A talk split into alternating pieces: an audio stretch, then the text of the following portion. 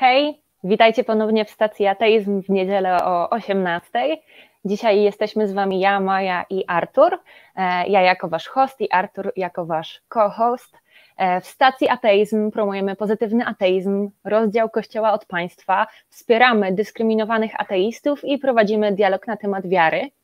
Ważne info na początek, telefonów cały czas nie ma, prace trwają, e, ruszymy z nimi w czasie bliżej nieokreślonym niestety na ten moment, także pamiętajcie, że możecie zadawać nam pytania w komentarzach i komentować wszystko w komentarzach na YouTubie, a my odniesiemy się do tego, co piszecie w końcowej, w późniejszej części odcinka będziemy odpowiadać na Wasze pytania. Dlatego udzielajcie się, mimo to, że nie ma telefonów, jesteśmy w stanie prowadzić dialog.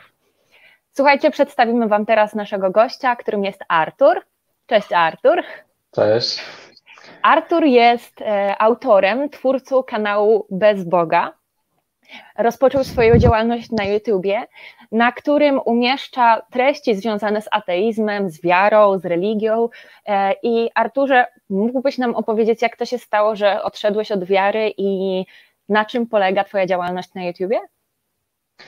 E, przede wszystkim na początku chciałem bardzo podziękować całej ekipie Stacji Ateizm za zaproszenie w ogóle mnie tutaj. Jest to naprawdę dla mnie niesamowita przyjemność i na pewno przeżycie, żeby móc przedstawić chociaż e, w części sobie i część tego, co, co, co po prostu prezentuję na swoim kanale.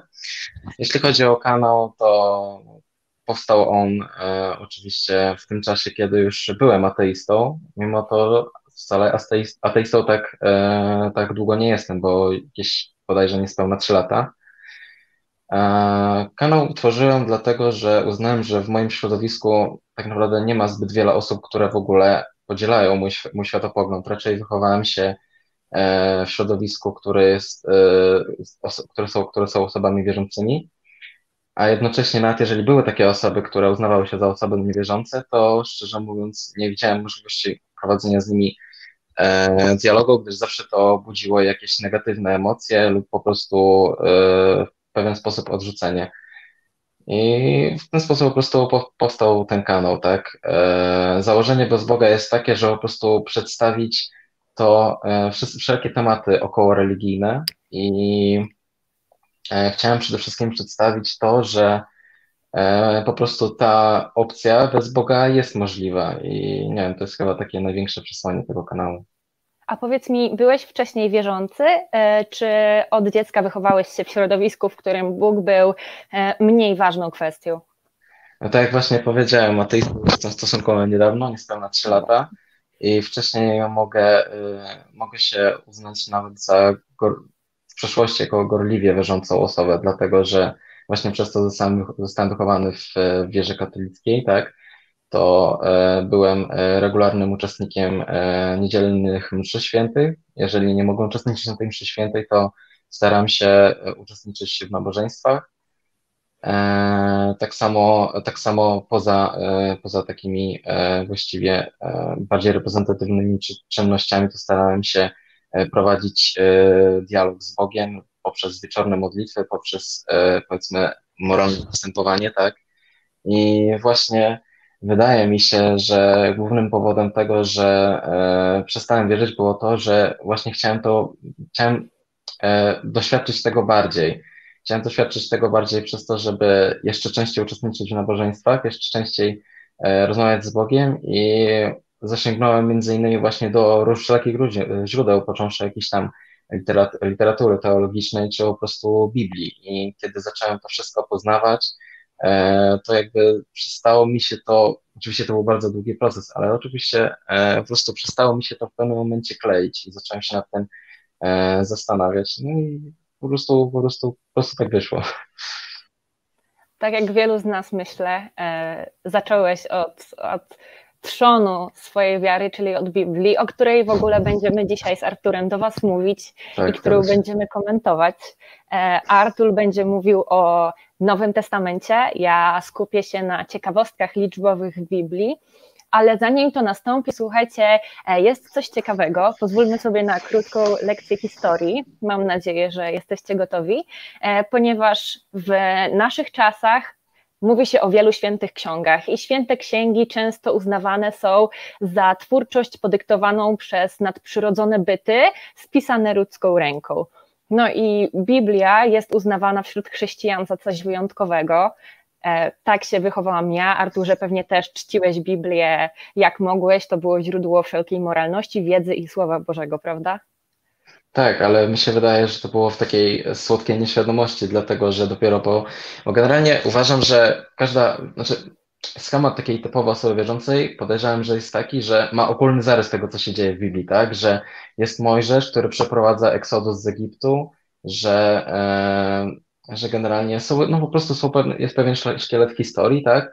Ale szczerze mówiąc, e, mało, mała część tych osób przeczytała w ogóle te historie w Biblii i to jest właśnie takie e, zastanawiające. I właśnie przez to, że właśnie to, jak to wybrzmiewają różne historie, różne rzeczy w Biblii, to, to można dojść do wniosku, że no, coś jest nie tak po prostu. Mhm. I słuchajcie, Biblia jest tylko jedną z wielu świętych ksiąg, jakie mamy dostępne dzisiaj na religijnym rynku. No i wszystkie święte, ale która jest najświętsza? I przybliży Wam teraz kilka historii albo kilka różnych ksiąg i tego, jak inne religie miały wpływ na chrześcijaństwo. Zacznijmy może od taoizmu, który był ruchem filozoficznym w Chinach e, i przekształcił się w ruch religijny. On się zaczął około V a III wieku przed naszą erą. Mają swoją książkę Dao De Jing. E, to jest tak zwana księga drogi i cnoty, uznawana za jedną z pierwszych ksiąg filozoficznych w języku chińskim. E, Potem sikhizm, religia, która o dziwo, jak chrześcijaństwo jest przeciwna wojnom, e, znaczy chrześcijaństwo mianuje się religią miłości, dlatego o proszę, nie tylko chrześcijaństwo nią jest. Sikhizm jest przeciwny wojnom o podłożu wyznaniowym, nie chce dzielić ludzi na muzułmanów, hinduistów, chrześcijan. Uważa, że Bóg może czaić się pod różnymi imionami i różnymi postaciami. Sikhizm również ma swoją świętą księgę. E, co ciekawe, e, jest ona tworem czasów e, około 15, w XV wieku zakładam, że się zaczęła, tu się mogę mylić, w każdym razie nie jest to coś, co powstało przed naszą erą. Jest to dość nowa religia, a bardzo popularna. Hinduizm też ma swoje święte książki, które dzielą się na śruti, czyli objawienia, w ramach których są bardzo znane Wedy i smriti no i hinduizm, znowu bardzo stara religia, e, rozpoczęła się wraz z ludem i kulturą Ariów w Indiach, e, który datuje się na trzecie i drugie tysiąclecie przed naszą erą. Ale najważniejszą rzeczą, o której chciałabym dzisiaj wspomnieć, jest pewna religia, która nazywa się zaratusztrianizm, niektórym znana jako e, zoroastryzm albo zaratusztryzm i jest to religia, która miała niesamowity wpływ na to, jak ukształtowało się chrześcijaństwo i miała niesamowity wpływ na autorów, na autorów pism chrześcijańskich. Przeniknęła je wskroś i wszechś, że tak powiem. Jest to religia, której rozkwit datuje się, której rozkwit miał miejsce na Bliskim Wschodzie e, i zaratusztrianizm również ma swoją świętą księgę. Księga ta nazywa się Avesta. No i jest napisana w językach staroirańskich, staro- i młodszoawestyjskim. E, książki i powstanie Awesty datuje się na I języki awestyjskie datuje się na coś około 1500 do 500 roku przed naszą erą, mm, ale ostateczna wersja Awesty, czyli zasadnicza redakcja, powstała w III wieku naszej ery. I wielokrotnie można usłyszeć, że Biblia jest wyjątkowa, ponieważ oferuje odrodzenie, oferuje Mesjasza, który spłacił winę za nasze grzechy, oferuje dobrego Boga, oferuje e, jedyną prawdziwą wersję historii stworzenia świata. I po zaznajomieniu się z historią i e, kulturą Bliskiego Wschodu dowiadujemy się, że niestety nie jest to prawda i ile chrześcijaństwo zapożyczyło od zaratusztrianizmu. Nie wiem, czy wiecie, ale w zaratusztrianizmie e, istnieje koncepcja Boga i diabła, ich Bóg, Ahura Mazda, czyli Pan Mądrości i jego przeciwieństwo, Angra Mainju, zły duch, czyli Bóg i diabeł, tworzą stale splecioną parę, która toczy ze sobą bezustanny bój o władzę nad światem i zadaniem ludzi jest przyłączyć się w boju z tą złą siłą, tak aby dobro wygrało. E, Ahura Mazda stworzył świat w 7 dni. E, stworzył wszystko, co jest w świecie i wszystko, co w nim dobre. W pierwszym etapie poprzez swoje świetliste istoty stworzył wszystko oprócz ognia, co trwało 7 dni, po czym pozostawił to w stanie bezcielesnym i wstrzymał upływ czasu, aby tego siódmego dnia odpocząć. Znajoma historia? E, religia mówi również o życiu po śmierci, Dusze ludzi po śmierci tracą do dnia sądu ostatecznego swoją cielesność i wędrują przez tak zwany most dzielący do piekła, do czyśćca lub do nieba. I na moście Uwrót Nieba stoi Mitra, który dzierży w swoich rękach szale sprawiedliwości i na nich waży dobre i złe uczynki ludzkości. E, religia ta również oferuje mesjanizm. E, w starej Aweście opisana jest koncepcja, według której Zaratuszra, czyli prorok tej religii, nie umarł śmiercią naturalną, tylko świadomie zanurzył się w wodach świętego jeziora i bezpośrednio przed dniem sądu ostatecznego do jeziora tego ma wejść dziewica, zostać cudownie zapłodniona nasieniem Zaratuszry i urodzić Mesjasza, który e, poprowadzi zastępy sprawiedliwych do ostatecznej walki ze złem. Oczywiście, skoro życie po śmierci, skoro mesjanizm, to też sąd ostateczny. Przejście wszystkich ludzi przez e, rzekę roztopionych metali w piekle lub ukojenie w niebie to jest to, co czeka całą ludzkość po tym, jak już nadejdą dni sądu ostatecznego. E, I tutaj zacytuję Wam w ogóle księgę. Sprawiedliwym uda się ona jakby ciepłym mlekiem, zaś niesprawiedliwym wyda się jakby żywym ciałem przychodzili przez roztopiony metal. Mm, jest tu koncept tak zwanej śmierci drugiej, która jest też poruszana w e, Apokalipsie Jana, czyli o tej ostatecznej śmierci, w której ludzie, którzy poszli do piekła, nie udało im się wejść do nieba, będą do końca życia palić się w ogniu piekielnym. E, no a ci, którzy pójdą do nieba, będą wolni od śmierci, starości, chorób i będą żyli wiecznie na odnowionej, przywróconej do doskonałości ziemi. I słuchajcie, jest coś takiego jak gany w zaratusztrianizmie. Są to hymny, które są częścią Księgi Jasnej i to są najstarsze części Awesty, których autorstwo się przypisuje w Zara, e, czyli prorokowi tej religii. E, I odwzorowywują one niesamowite podobieństwo do niektórych tekstów biblijnych. E, wręcz jakby były kopią siebie samych. E, I to, co mogę Wam powiedzieć, to to, że widzi się, jak w Biblii e, odpowiada się na pytania, które są zadane w Księdze Jasnej. Jasna 44.3, od 4 do 5. Kto wyznaczył szlaki słońca i gwiazd? Dzięki komu księżyc powiększa się i maleje? To jest pytanie zadane w Księdze Jasny. A Izajasza, podnieś oczy w górę, e, podnieście oczy w górę i patrzcie, kto stworzył te gwiazdy, ten, który w szykach prowadzi ich wojsko, wszystkie je woła po imieniu. Kolejna Księga Jasny, 44.4.1.3. Kto utwierdził ziemię na dole i podtrzymał niebo w górze przed upadkiem? Izajasza 40.12. Kto zmierzył wody morskie swą garścią i Piędzią wymierzył niebiosa, kto zawarł ziemię w miarce, kto zważył góry w wadze i pagórki w szalach. E, I no tutaj ta staroirańska kultura i staroirańska religia, jak widać, niesamowicie przeplatała się i miała wpływ na chrześcijaństwo, ale nie jest to jedyna rzecz. Nie wiem, czy znacie historię o potopie z Biblii.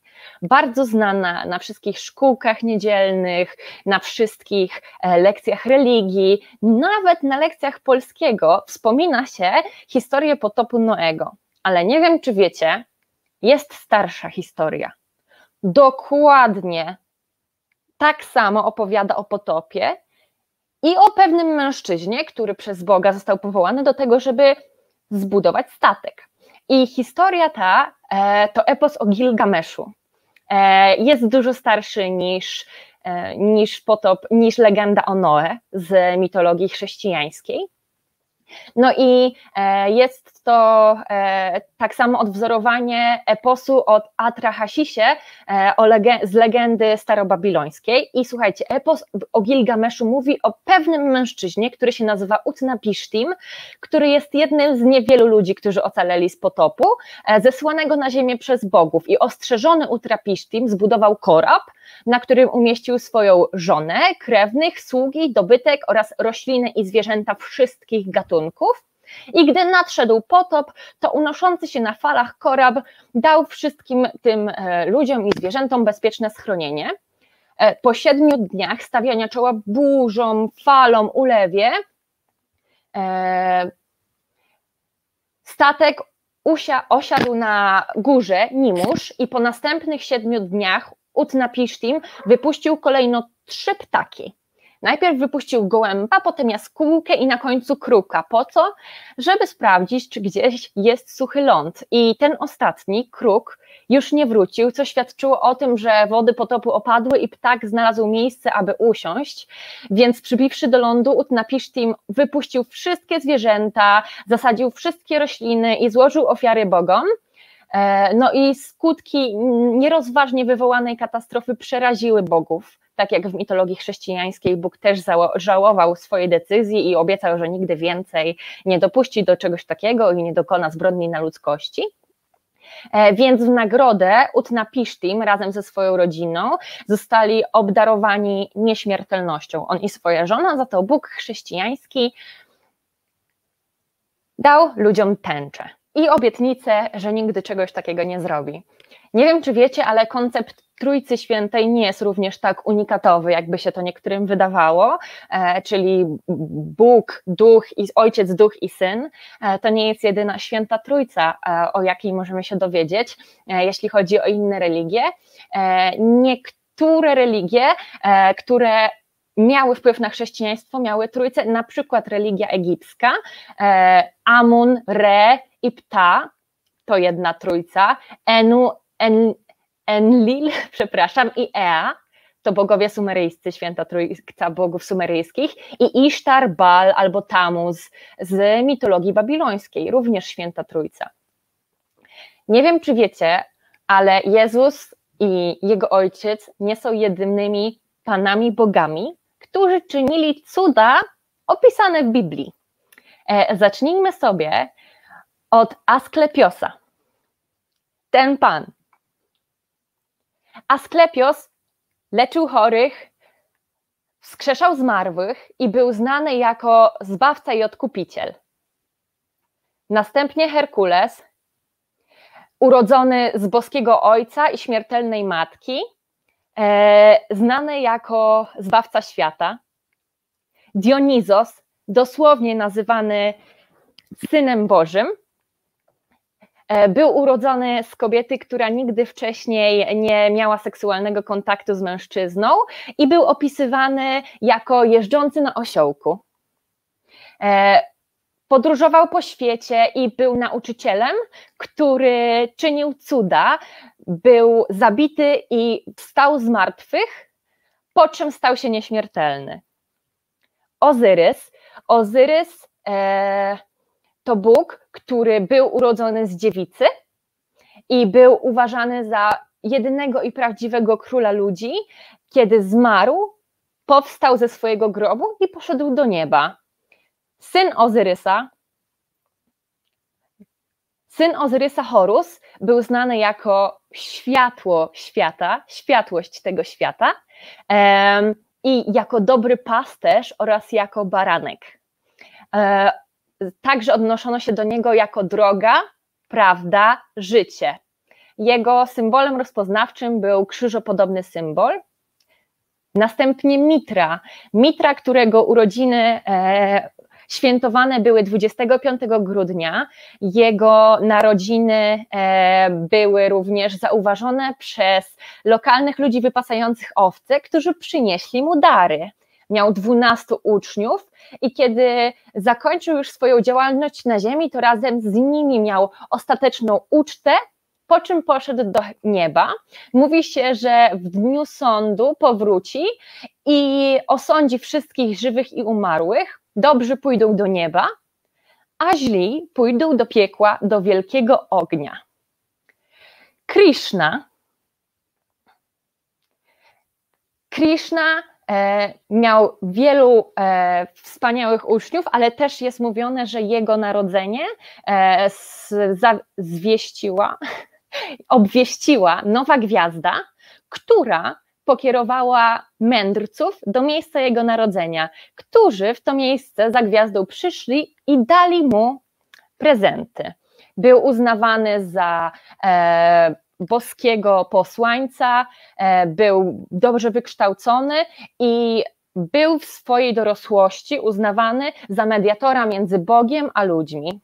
I na sam koniec Apoloniusz Stiany. Słuchajcie, to jest przykład człowieka najbardziej um, czasowo bliskiego Jezusowi, bo nie wiem, czy wiecie, ale Apoloniusz Stiany urodził się w 15 roku naszej ery i zmarł w setnym.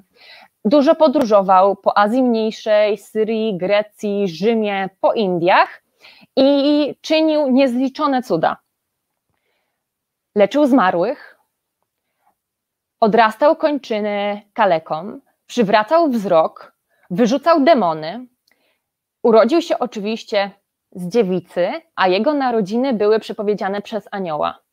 E, znał bardzo dobrze pisma już jako dziecko, był ukrzyżowany, wstał z martwych i pojawił się z powrotem po śmierci swoim uczniom, żeby udowodnić, jak silna jest moc Boża po czym poszedł do nieba. Był znany jako Boży Syn.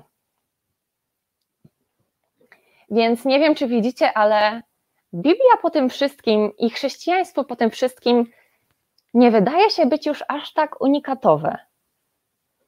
Nie mówimy tutaj nawet o sprzecznościach, które występują w Biblii i które są często niezauważane przez chrześcijan, ale mówimy tutaj o czymś, co tak naprawdę pokazuje, jak mała jest bańka kulturowa, w której e, nieraz żyjemy, w której ja żyłam przez bardzo długo, ponieważ uważałam Biblię za drogę, prawdę i życie, a okazuje się, że inne święte księgi i inne religie mówią prawie to samo. Okazuje się, że jest coś, co było przed chrześcijaństwem w tym samym regionie geograficznym. I teraz, jak tu wybronić Biblię? Ja nie mam pojęcia i jestem bardzo ciekawa, czy osoby, które nas oglądają i które wierzą, że Biblia jest unikatowym, jedynym, prawdziwym, e, bezbłędnym Słowem Bożym, żeby się wypowiedziały. No i teraz Artur Wam pokaże, dlaczego jest niekoniecznie bezbłędnym. Co nie, Arturze? Bo w Biblii, mimo wszystko, że to jest najświętsza ze świętych ksiąg, można dopatrzyć się wielu nieścisłości. E, Arturze, nie słyszymy Cię. Okej, okay, już jestem.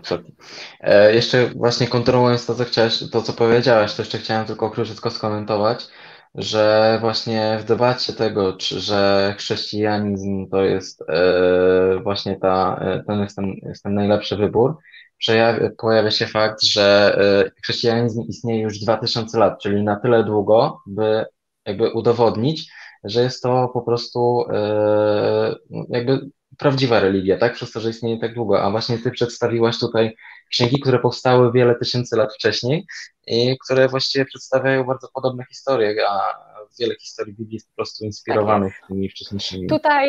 Więc... Więc to strasznie cierpi tutaj właśnie mhm. I tutaj ktoś powiedział, lubię czytać, użytkownik mają, czy to mają być dowody na nieprawdziwość religii chrześcijańskiej? Mnie jakoś nie dziwi, że ludzie spisujący Biblię korzystali z dotychczasowych dzieł literackich. To mają być dowody na małą oryginalność religii chrześcijańskiej i na to, że może niekoniecznie trafnym jest argument, iż Biblia jest jedyną wyjątkową i niepowtarzalną literaturą religijną. Tak. E, przechodząc właśnie do, jakby do tego, co właśnie chcę przedstawić, to e, wchodząc w szczegóły, właśnie skupiłem się głównie na Ewangeliach na takich najbardziej wyrazistych przykładach, jakie są po prostu różnice w przedstawionej jednej historii przez, kilka, e, przez kilku ewangelistów. Jeszcze słowem wstępu e, chciałbym przedstawić, na czym dani ewangeliści skupiają się w w swojej wersji wydarzeń, w swoim przedstawianiu tego, jak wyglądało życie Jezusa. Tak więc Mateusz skupia się przede wszystkim na spełnianiu wszelkich proroctw, które znajduje w Starym Testamencie i często robi to dosyć nieudolnie, ponieważ porównuje pewne zdarzenia, skupia się na jakimś słowokluczu, które, które tak naprawdę w kontekście Starego Testamentu ma się nijak do tego, jak, e, jak to jest, jaka jest sytuacja w Nowym Testamencie. To później podam jeden przykład, to będzie to doskonale widać. Jeśli chodzi o Marka, Marek skupia się przede wszystkim na cierpieniu Jezusa, na tym, że jest to haniebna i po prostu właśnie śmierć, na którą normalny człowiek nie zasługuje i na tym właśnie, że, e, że właśnie, właśnie mówię, że normalny człowiek nie zasłużyłby na tak, e, na tak okropną śmierć. E, Łukasz podchodzi do, do jakby opowieści dosyć tak bardziej przyjaźnie, z tego powodu, a właśnie nie powiedziałem, że Marek właśnie zaznacza bardzo, że e, e, historia, historia, jakie przedstawia Jezus, nauki, które przedstawia Jezus do ludu, e, należą się wyłącznie Żydom, natomiast Łukasz trochę łagodzi tę retorykę. W ogóle właśnie ciekawy fakt jest taki, że Ewangelia Marka powstała najwcześniej i Łukasz i Mateusz znali doskonale Ewangelię Marka i dlatego się na nie inspirowali. I tu będzie właśnie na podstawie tego podejrzewam został zastosowany ten zabieg, że Łukasz stara się nieco załagodzić pewne rzeczy, i przedstawia naukę Jezusa dla wszystkich jako Zbawiciela świata, zarówno Żydów, jak i nie Żydów, że po prostu każdy może być e, zbawiony. Natomiast Jan skupia się przede wszystkim na boskiej postaci Jezusa, na tym, że jego głównym posłannictwem jest to, żeby dać ludziom życie wieczne. I właśnie Jan potrafi w swojej Ewangelii tak naprawdę najbardziej, najbardziej odlecieć, to znaczy e, dotyka bardzo wielu takich mistycznych kwestii, najlepszym przykładem tego chyba jest e, Apokalipsa Świętego Jana, którą e, na swoim kanale dosyć szczegółowo opisałem. Jeżeli będziecie się chcieli zapoznać, serdecznie zapraszam. Tam po prostu bardzo jest przedstawione, bardzo obrazowo jest przedstawione to, jak według Świętego Jana, według jego wizji będzie przedstawiony koniec świata. Ale okej, okay, teraz już przechodząc do, do samego tematu, jaki miałem się przedstawić, Mam do przedstawienia, do omówienia kilka historii, tak w miarę pokrótce, żeby, żeby ten materiał nie trwał zbyt długo. Pierwsza rzecz to zwiastowanie narodzin e, Jezusa. Tę historię mamy przedstawioną tylko w dwóch Ewangeliach, Mateusza i Łukasza. Jeśli chodzi o Mateusza, to e, jest, jest, to, to, jest to historia, gdzie e, anioł przejawia się w śnie Jezus, Józefowi, przepraszam, i właśnie tam e, pojawia się anioł, nie znamy imienia tego, e, tego anioła. On mówi, że e, żeby nie odrzucał swojej żony Maryi, ponieważ ona urodzi syna, którego nazwie imię Jezus. I właśnie tak jak jest, właśnie jest to przedstawione doskonale w fragmencie jego Ewangelii. Oto dziewica pocznie i porodzi syna, któremu nadadzą imię Emanuel, to znaczy Bóg z nami. I tutaj właśnie mamy bardzo obrazowo przedstawione to, jak Mateusz próbuje próbuje spełnić pewne proroctwo i przez to się, i co mu nie do końca wychodzi, ponieważ e, kontekst tego cytatu jest e, tak naprawdę zupełnie inny i samo imię Emanuel znaczy zupełnie co innego, gdyż Emanuel oznacza według, e, według hebrajskiego przykładu Bóg z nami. Jezus ma znaczenie bardziej Pan jest zbawieniem i po prostu to, to, to jakby, no po prostu się to, się to nie klei, tak? Idąc właśnie dalej, jest ciekawy, bardzo ciekawy fragment Mateusza 1,25, lecz nie zbliżał się do niej, aż porodziła syna. Także za czasów, kiedy Ewangelia Mateusza powstawała, nie istniał jeszcze dogmat tego, że Maria była e, niepokalaną dziewicą. Tak? Tutaj, było, tutaj okej, okay, nie jest w 100% pokazane, że e, na pewno współżyła z Józefem po tym, aczkolwiek ten fragment jest taki dosyć, moim zdaniem, sugestywny, ale to raczej taki smaczek nie jakiś e, specjalnie e, mocny argument. Jeśli chodzi o Łukasza, w Łukaszu mamy nieco inną historię. Tam e, objawienie, e, objawienie ma Maryja, przychodzi do niej anioł i to konkretny, przychodzi Archanioł Gabriel. E, informuje ją, że jest w szóstym miesiącu ciąży i że urodzi syna o imieniu Jezus. Jednocześnie też dowiaduje się, że że Elżbieta, która uchodziła za e, niepłodną, również e, urodzi dziecko. E, I będzie to, jeżeli nie wiem, czy dobrze się orientujecie, ale właśnie tym dzieckiem jest Jan Chrzciciel. jeśli chodzi o fragment. Udał się także Józef z Galilei. Nie, nie, nie, moment. Nie, ten fragment jeszcze nie. To jeszcze zdecydowanie nie ten moment na ten fragment. To będzie dopiero, bo to, to jest fragment dotyczący już e, narodzin Jezusa. Tutaj mamy zwiastowanie. I teraz tak, dlaczego w ogóle mówiłem o tym zwiastowaniu? Mamy tutaj różne historie, ponieważ e, Mateusz przedstawia e, zwiastowanie o tym, że Józefowi się objawia anioł, u Łukasza, że Maryi. Jest to, jest, tu, tu różnica jest taka, że generalnie jest to do pogodzenia. To nie są historie, które e, możemy uznać za to, że nie mogły się zdarzyć obie jednocześnie i nie będzie tutaj na tyle silny argument, że, że, że po prostu te Ewangelie mogą się uzupełniać i to bardzo jest często słyszane w argumentacji osób wierzących, że te Ewangelie się idealnie uzupełniają i po prostu przedstawiają E, różne wersje, ale w taki sposób, żeby przedstawić jedną wspólną historię. I tutaj, jeśli chodzi o zwiastowanie, można uznać, że te dwie historie, że te dwie wersje wydarzeń miały miejsce. Tylko, że problem nam się e, komplikuje dopiero przy następnych historiach. Teraz przejdziemy do narodzin Jezusa.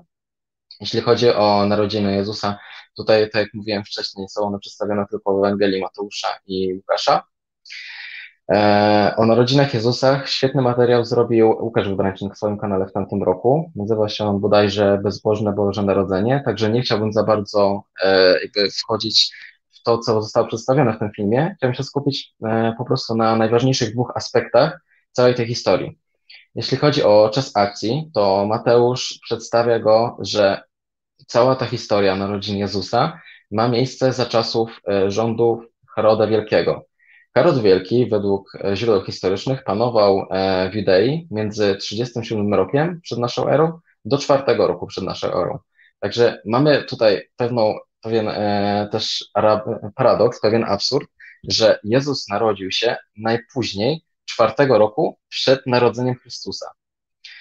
Brzmi to dosyć absurdalnie, ale jeszcze ciekawiej jest u Łukasza, który według niego E, miejsce akcji ma e, w tym czasie, kiedy e, Maryja z Józefem, o czym powiem chwilę później, wybierają się na spis powszechny i wtedy wielkorządcą Syrii był Kwiriniusz, a według źródeł Kwiriniusz wielkorządcą Syrii został dopiero w szóstym roku naszej ery. Także tutaj starając się jak najbardziej to połączyć w czasie, mamy tu minimum 10 lat różnicy. I to jest bardzo duża różnica i po prostu jest to zwyczajnie nie do pogodzenia. E, drugim aspektem, który chciałem poruszyć, to jest miejsce akcji. Oczywiście miejsce narodzin Jezusa się na szczęście zgadza, jest to Betlejem, natomiast wiele innych rzeczy się zupełnie nie zgadza i historia się nam bardzo rozjeżdża. Chciałbym, żebyśmy e, przez chwilę nie ten, e, nie zwracali uwagi na to, jakie miało miejsce czas akcji, żeby skupić się na tych różnicach w samym miejscu. Jeśli chodzi o ten fragment jeszcze później mają, jeśli chodzi o Mateusza, mamy historię taką, że Józef z Maryją zamieszkują w Betlejem, tam się rodzi Jezus. E, później po dwóch latach pojawiają się mędrcy w Jerozolimie, przychodzą do Heroda i wyputują właśnie o, o króla żydowskiego, gdyż widzieli gwiazdę i gwiazdę, która jest, jak jest napisane w Ewangelii, wskazuje, gdzie w danym momencie jest Jezus, nie gdzie się urodził, tylko gdzie w danym momencie jest. E, I właśnie wskazuje właśnie jest, są, e, dotarli do tej Jerozolimy i Herod się dosyć zaciekawił i wręcz e, przestraszył. Ogólnie retoryka jest taka, że cała Jerozolima przeraziła się faktem, że jest jakiś nowy król żydowski i generalnie Herod, e, no to ogólnie chyba znamy historię, tak, że Herod mówi, że chciałby złożyć pokłon, co w domyśle oznacza to, że chciałby po prostu tego małego Jezusa zgładzić.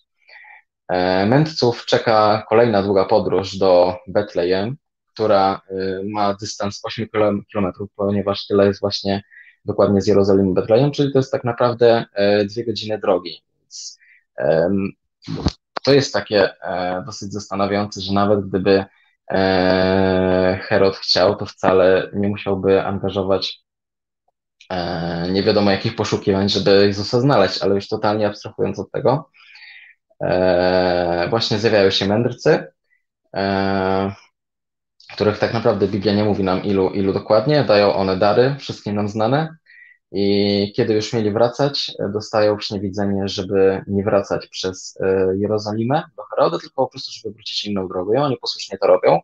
Później Józef ma widzenie we śnie już drugie. Tutaj właśnie chciałem zaznaczyć, że tu właśnie jakby same te widzenia z aniołami u Mateusza ma, yy, ma Józef.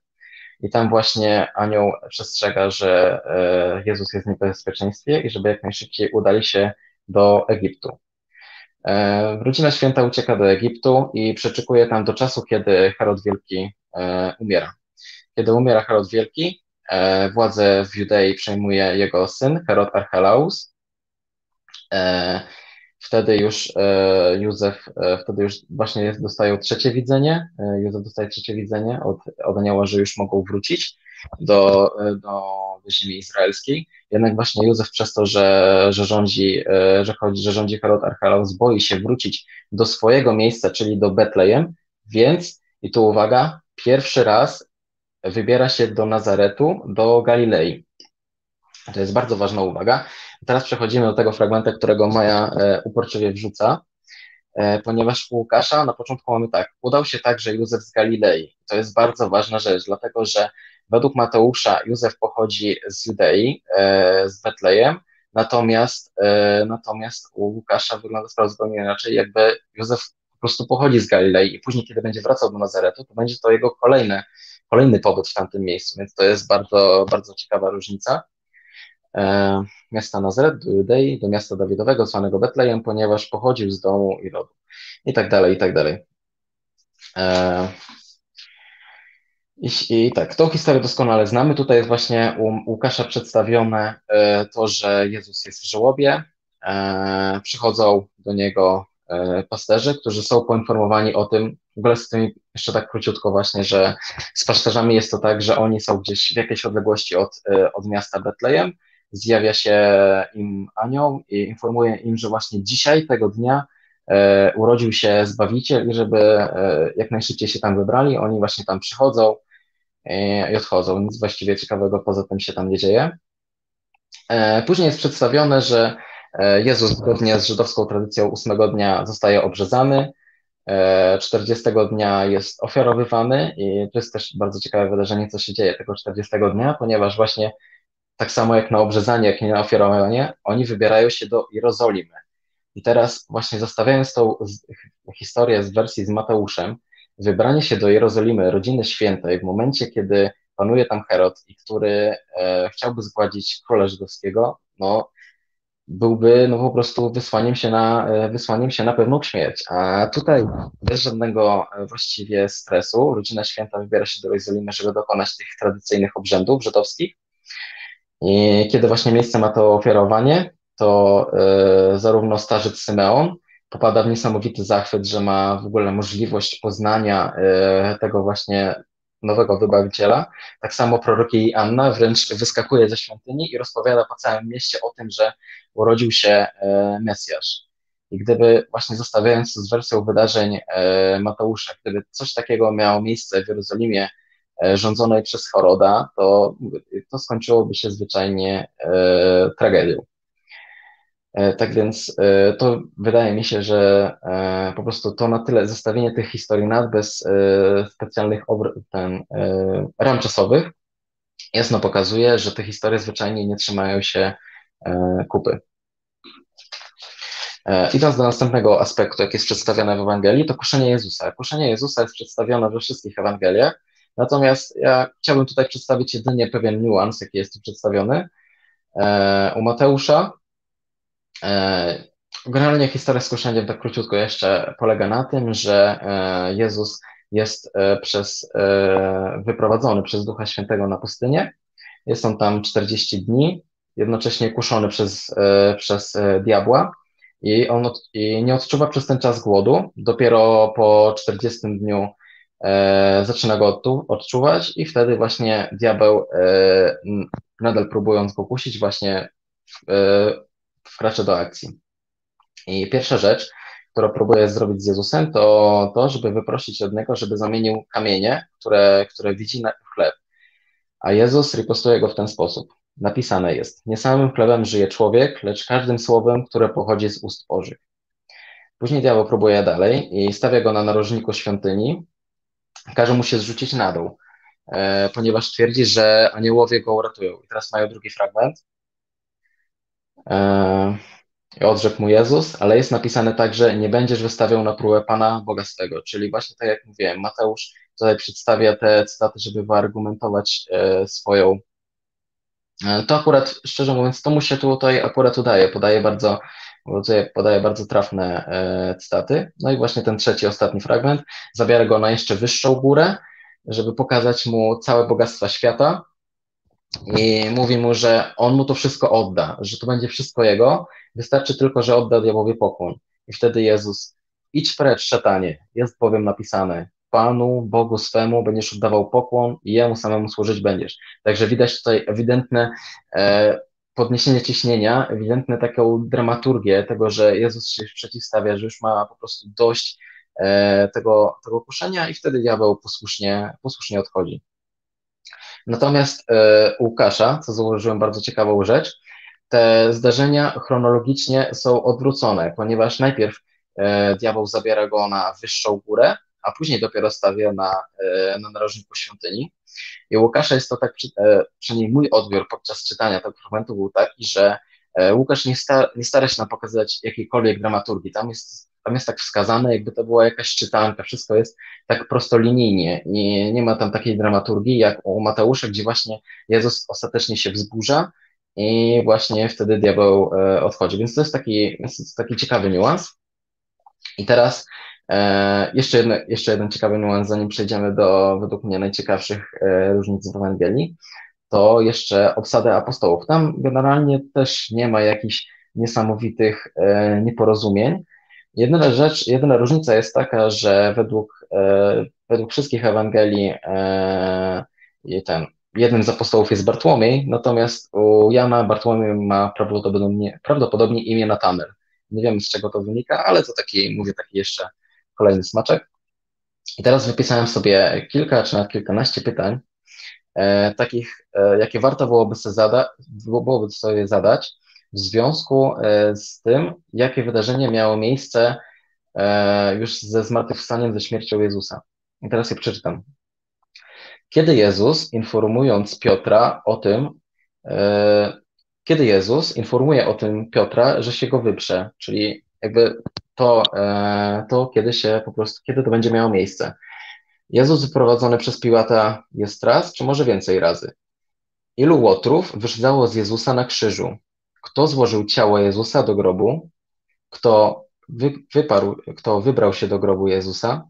Ilu aniołów informowało nowo przybyłych o zmartwychwstaniu? Grób był otwarty czy pusty? Czy e, Straż Rzymska stała przy grobie, czy może jednak jej tam nie było? Komu i gdzie objawił się Jezus?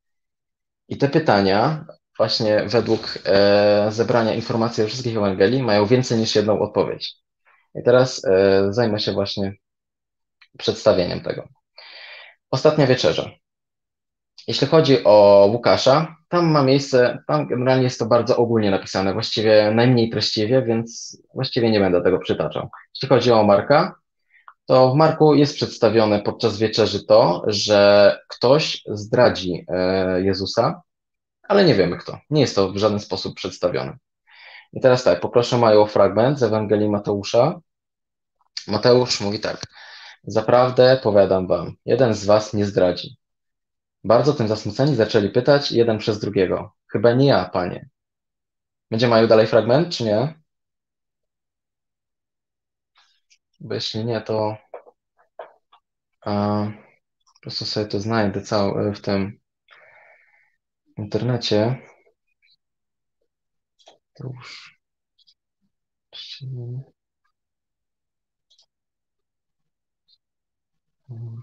Momencik.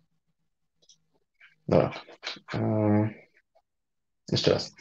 A gdy jedli, rzekł, zaprawdę powiadam wam, jeden z was mnie zdradzi. Bardzo tym zasmuceni zaczęli pytać jeden przez drugiego. Chyba nie ja, panie. On zaś odpowiedział. Ten, który ze mną rękę zanurza w misie, on mnie zdradzi. Wprawdzie Syn Człowieczy odchodzi, jak o nim jest napisane, lecz biada temu człowiekowi, przez którego Syn Człowieczy będzie wydany. Byłoby lepiej dla tego człowieka, gdyby się nie narodził. Wtedy Judasz, którego miał zdradzić, rzekł: Czy nie ja, rabi? Odpowiedział mu: Tak jest, ty. I to jest właściwie tyle. I to jest, i to jest właśnie e, najciekawsze w tym, że to się po prostu urywa, że mamy wieczerze, nie wyobrażając to sobie w analogicznej sytuacji w rzeczywistości, mamy e, wieczerze, gdzie spędza ze sobą e, czas kilkunastu dorosłych mężczyzn, nagle właśnie Jezus wypowiada się, że jeden, jeden, jeden z nich go zdradzi, i ci zaczynają się tym przejmować. O, ja, o Boże, ale to dlaczego? I generalnie przepyrają przez jeden, przez drugiego. Chyba nie ja, ale to chyba nie ja, nie? I potem w danym momencie e, Judasz pyta się Jezusa tak samo jak inni, czy to właśnie, czy to nie on. Jezus odpowiada, że tak, on i nic się nie dzieje. Ja, ja, ja po prostu, ja po prostu mnie to zamurowało. Ja się pytam, dlaczego? Dlaczego tu nie ma jakiejkolwiek reakcji? Nie wiem. Ale jeszcze śmieszniej jest e, u Jana. Jana 13, zaraz sobie to odpalę, żeby, żeby to przeczytać. Jana 13, wersety 21, 28.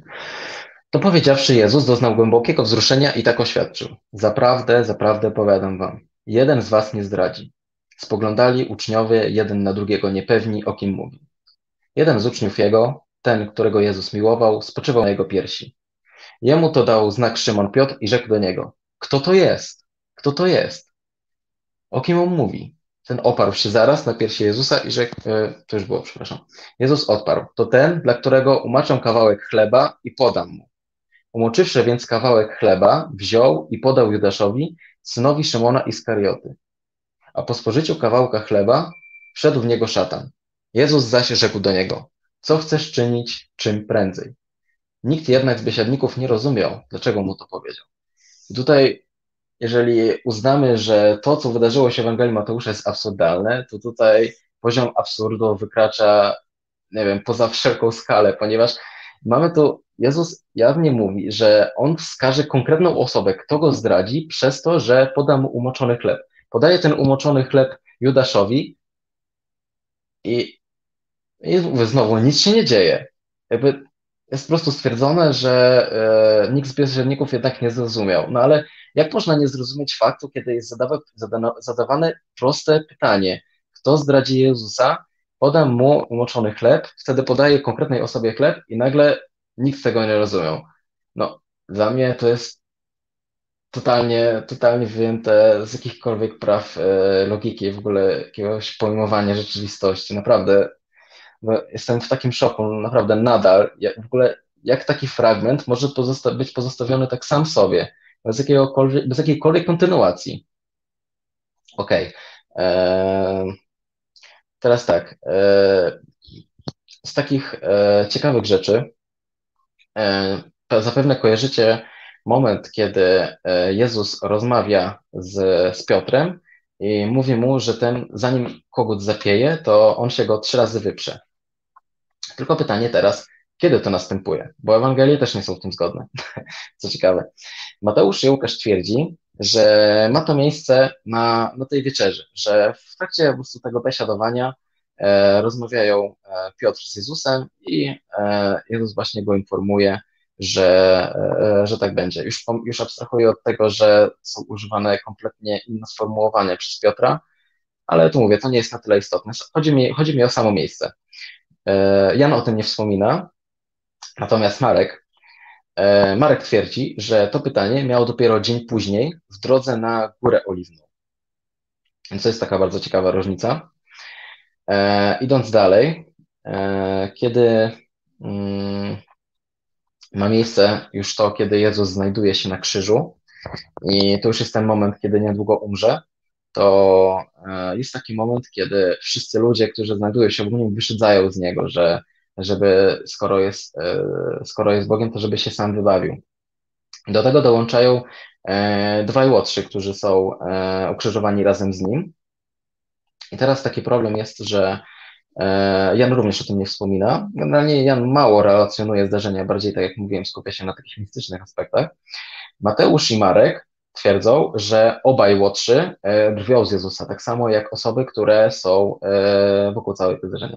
Natomiast Łukasz nagle postanowił, że, że, że będzie zupełnie inaczej, że tak naprawdę jeden łotr tylko się z niego wyśmiewa, a drugi prosi go o wstawiennictwo do, do Boga Ojca i Jezus mu mówi, że tak, okej, spoko, powiem, powiem swojemu ojcu i tak faktycznie będzie. I to jest właśnie wskazane tylko w jednej Ewangelii, co jest też, co też po prostu traci na, powiedzmy, jakiejś autentyczności. Yy, I teraz tak, mam do Was pytanie, wręcz z milionerów i jestem ciekawy, na którą odpowiedź wybierzecie. Oto pytanie. Jakie były ostatnie słowa Jezusa? A. Boże mój, Boże mój, czemuś mnie opuścił? B. Ojcze, w Twoje ręce powierzam ducha mego. C. Wykonało się. I odpowiedź D. Wszystkie odpowiedzi są poprawne. Teraz, która odpowiedź jest prawidłowa? Żeby nie trzymać Was niepewności, odpowiedź D. Wszystkie odpowiedzi są prawidłowe. To wszystko zależy, którą Ewangelię czytamy. Dlatego, że e, e, już nie pamiętam teraz, w której konkretnie, nie zapisałem sobie tego i szczerze mówiąc nie pamiętam, ale w, e, bodajże chyba Mateuszu i w Marku jest to właśnie ta pierwsza opcja, Boże mój, Boże mój. Natomiast u Łukasza e, ma miejsce Ojcze w Twoje ręce i ta ostatnia e, występuje Ewangeliana. I to też jest to na tyle zaskakujące, że jeżeli chce się coś e, zrelacjonować i przedstawić i po prostu mamy każdą Ewangelię, praktycznie w każdej jest zupełnie inna wersja wydarzeń tego, co Jezus powiedział podczas e, swoich ostatnich sekund życia, no to, to naprawdę jest to coś e, niezrozumiałego.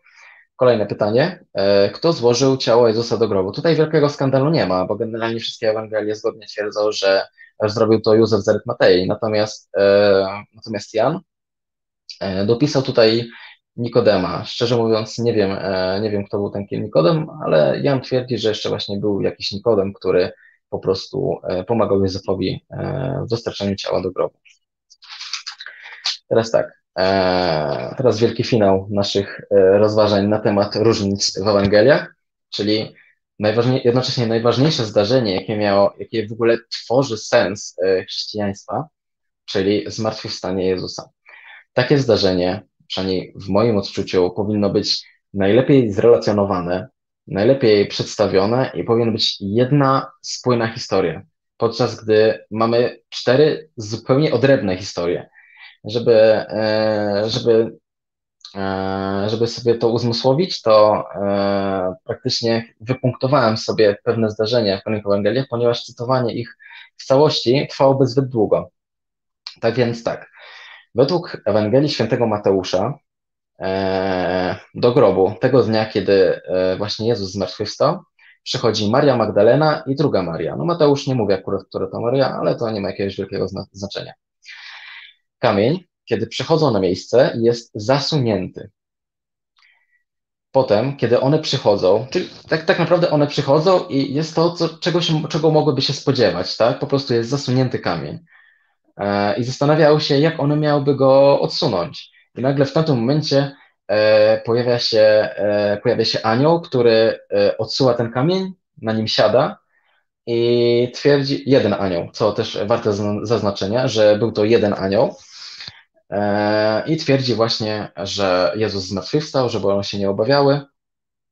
One nie wchodzą do grobu, ponieważ są jakby przestraszone całym tym faktem i informują apostołów jak najbardziej, że, że po prostu e, Jezus zmartwychwstał. Właśnie e, później właśnie e, jeszcze zanim, jeszcze zanim informują tych apostołów, to Jezus objawia się obu tym Mariom, co też jest warte. Dlaczego ja to tak zaznaczam? Dlaczego? Dlatego, że w, innych Ewangeliach będzie po prostu będzie do tego zupełnie inaczej kiedy właśnie zostały poinformowani. Później Jezus objawia się 11 apostołom, oczywiście wszystkim oprócz Judasza, i objawiają się, Jezus objawia się im w górze w Galilei. Ok, teraz tak, u Marka do grobu wybierają się Maria Magdalena, Maria, matka Jakuba, czyli wiemy, która konkretnie Maria, i Salome.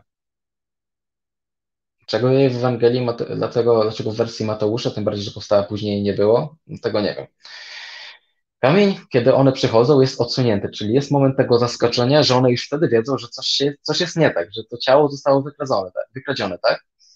Wtedy właśnie zjawia się jeden anioł, e, który też informuje oczywiście, że Jezus zmartwychwstał, tak? One nie wchodzą do tego grobu, tak? E, I co ważne, nie informują apostołów. Czyli tu jest taka, e, tu jest taka ważna różnica. Jezus e, potem objawia się jedynie Marii Magdalenie, nie objawia się pozostałym e, dwóm kobietom, które, e, które przyszły do grobu. A później objawia się jedenastu apostołom, znowu, tylko że w zupełnie innym miejscu. Jest to napisane według Marka przy stole. Jakby dokładnie jest takie sformułowanie, że, że przy stole, czyli po prostu rozumiejąc to po prostu, po prostu w mieście, tak? Jeśli chodzi o Łukasza, to zmienia się znowu obsada do, e, do wybrania się do grobu, ponieważ wybierają się tak, Maria Magdalena, Maria matka Jakuba i Joanna. Może Salome zmieniła imię po prostu, może, może jest to zupełnie ktoś inny, tego nie wiemy, jest po prostu Joanna. Kamień również jest odsunięty i informację o tym, że Jezus e, zmartwychwstał, podaje tym razem dwóch aniołów. Także Kolejna dosyć absurdalna różnica, dlaczego Mateusz i Marek zaznaczają, że był to jeden anioł, podczas do Łukasza nagle okazuje się, że było, że było ich dwóch. Hmm. Jedna ważna rzecz, zapomniałem zupełnie, że e, odnośnie zadawania pytania tego straży, ponieważ e, u Mateusza to była jedyna Ewangelia, gdzie był zaznaczony fakt, że była straż przedstawiana i właśnie przez to, że samo to wydarzenie, kiedy, e, kiedy anioł wstępuje, żeby poinformować niewiastę o tym, że Jezus zmartwychwstał, to oni, e, jest tam coś takiego, jest bodajże napisane w tej Ewangelii, że oni jakby zapadli w jakiś sen, w jakiś taki letarg, przez co w ogóle nie mogli się poruszyć. Podczas gdy w innych Ewangeliach w ogóle nie jest to poruszone, jakby tej straży tam w ogóle nie było. Co jest bardzo ciekawe. Wracając do Łukasza, informuję tych dwóch aniołów, no i generalnie one postanawiają później poinformować tych apostołów o tym, że miało miejsce, czyli zupełnie inaczej niż u Marka. E, co ciekawe, objawia się e, Jezus Piotrowi, samemu Piotrowi najpierw, a później dopiero, e, później dopiero jakby wszystkim apostołom, czyli wychodzi na to, że Piotrowi objawia się dwa razy. I objawia się, nie znamy miejsca objawienia, więc możemy przejąć, że tak jak u Marka, po prostu gdzieś tam, gdzieś tam na mieście, tak? I na koniec Ewangelia Jana. Tu mi się wydaje taka najbardziej rozbudowana historia, ponieważ e, do grobu wybiera się, znaczy tak, kolejne różnice. Wybiera się sama Maria Magdalena, nie ma żadnej drugiej osoby, która się z nią wybiera. E, widzi ona odsunięty kamień i nic się nie dzieje po tym, tylko ona postanawia uciec i poinformować o tym Szymona Piotra i Jana. E, generalnie też ciekawa sprawa, że Jan przedstawia Szymiona Piotra i takiego drugiego ucznia, tak jakby próbuje zachować anonimowość, ale według teologów e, jest to po prostu właśnie, jest to po prostu e, apostoł Jan. I teraz mamy taką historię, że e, przebiegają właśnie Jan i Piotr. Jan przebiega pierwszy, ale nie odważa się wejść do grobu. Potem niewiele później przebiega Piotr, wchodzi do tego grobu, później Jan. Ważna rzecz, Maria Magdalena w ogóle nie wchodzi do tego grobu przeciwieństwie do poprzednich e, wersji historii. E, no i generalnie no, widzą ten grup, stwierdzają ten fakt i po prostu sobie ci apostołowie idą. Maria Magdalena wtedy zaczyna rzewnie płakać, że skradziono ciało Jezusa. I nagle właśnie Jezus jej się objawia, jej samej. E, I później, co ciekawa rzecz, później objawia się Jezus dziesięciu apostołom. I teraz dlatego, dlaczego dziesięciu? Dlaczego? Dlatego, że Jan najwidoczniej postanowił wymyślić kolejną historię, ponieważ nigdzie ona wcześniej się nie pojawiała, e, na temat niewiernego Tomasza, ponieważ tylko tutaj, tylko u niego jest przedstawiona historia niewiernym Tomaszem. Jego akurat, kiedy, e, kiedy Jezus objawiał się pozostałym apostołom, jego akurat nie było, i znamy historię, tak, że, że, że, on, że on nie uwierzy dopiero, tego nie zobaczy i później Jezus objawia się ponownie, ponownie i później jednak wierzy. Także to są takie, wydaje mi się, najbardziej e, wyraźne różnice, jakie występują e, w samych Ewangeliach, co jest naprawdę, naprawdę zadziwiające, że jakby samo życie Jezusa jest przedstawione w tak skrajnie różny sposób. I to naprawdę starałem się to zrobić w takiej pigułce, że po prostu czytać same naj, najważniejsze informacje, bo tych, tych po prostu niuansów jest znacznie, znacznie więcej. Tak, niuansów jest więcej. Co ciekawe, na te, o których Ty mówiłeś, można znaleźć pewną kontrę, a e, mianowicie, że chrześcijańscy apologeci mówią, tak jak wspominałeś w tych fragmentach na początku, objawił się Marii czy Józefowi no objawił się obydwóm, bo jedno było wcześniej, a drugie było później, tak? Mhm. E, no, albo jeśli chodzi o te ostatnie fragmenty, no to objawił się dziesięciu, czy objawił się dwunastu? No objawił się wszystkim, ale jednym później, a drugim wcześniej i dlatego to jest okej. Okay. jest to bardzo e, lichej siły argument, aczkolwiek jest często wysuwany e, i niestety ja się z tym spotkałam. E, no ale nie da się zaprzeczyć, że tak jak mówiłeś, Jan często wymyślał rzeczy, których nie ma e, i no to też pokazuje pewną nieścisłość e, w, tym, jak została stworzona Biblia. I mhm. słuchajcie, Biblia ma być uznawana za nieomylną i idealną książkę, a takich błędów, o których wspomniał Artur, jest więcej. Dodatkowo są to błędy, którym ciężko jest w ogóle zaprzeczyć i znaleźć jakąśkolwiek kontrę, niż tylko to, że pomylili się pisząc ją ludzie.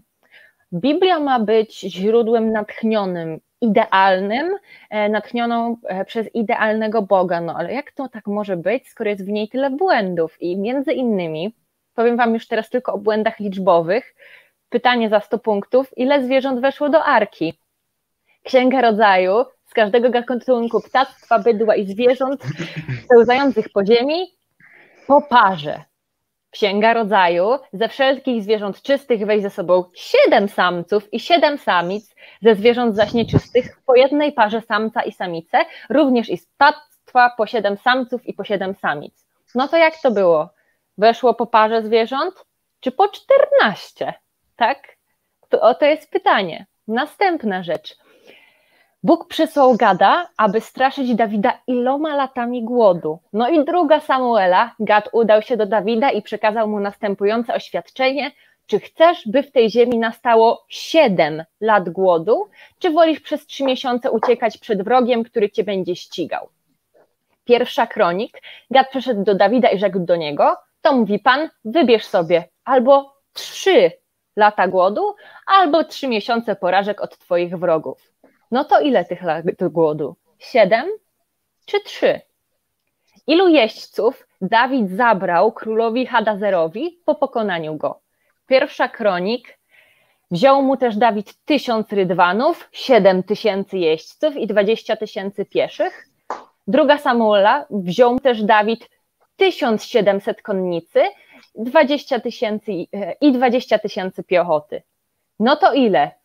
Tysiąc rydwanów, siedem tysięcy jeźdźców, czy 1700 konnicy i 200 tysięcy piechoty? Ile lat miał król Jojakin, albo w niektórych e, tłumaczeniach, niektórych przekładach zwany Jehojachinem, Jehoniaszem, kiedy został królem Jerozolimy. Druga królewska mówi, że Jojakin miał 18 lat i panował w Jerozolimie 3 miesiące, a druga kronik mówi, że Jehoniasz miał E, czekajcie, bo przekroiłam dwa razy ten sam cytat. E, że miał 8 lat. Przepraszam Was bardzo, to jest moja wina. W każdym razie zapomnijmy o tym, tak? To możecie sobie sprawdzić, to tylko Wam powiem. Druga Królewska 24.8 i druga Kronik 36.9. Za błędy we wklejonych cytatach serdecznie i szczerze przepraszam. Następny cytat. Ile bat, to jest hebrajska miara objętości, e, mieścił odlew morza w świątyni. No i pierwsza królewska mówi, że jego pojemność wynosiła 2000 bat. Tutaj międzynarodowe tłumaczenie mówi również o 2000 bat. Za to druga kronik 4.5 mówi, że pojemność wynosiła 1000 bat, a w międzynarodowym przekładzie po angielsku ten sam cytat, ten sam wers mówi o 3000 bat. No to ile? Dwa tysiące, tysiąc czy trzy? Co ta nieomylna Biblia mówi o tym, co się stało? I ostatnie, ilu jezdnych miał Salomon? Druga kronik, Salomon miał 4 tysiące stajni dla koniu i wozów wojennych i 20 tysięcy jezdnych. Pierwsza królewska. Miał więc Salomon 4 tysiące przegród dla koni i rydwanów oraz 12 tysięcy jezdnych. No to 20 czy 12? No to czy księga, która podaje takie rozbieżności liczbowe, może być w jakikolwiek sposób natchnie, natchnięta przez nieomylną, wszechmocną, wszechobecną, wszechdobrą i wszechmądrą istotę? A to takie proste rzeczy. No.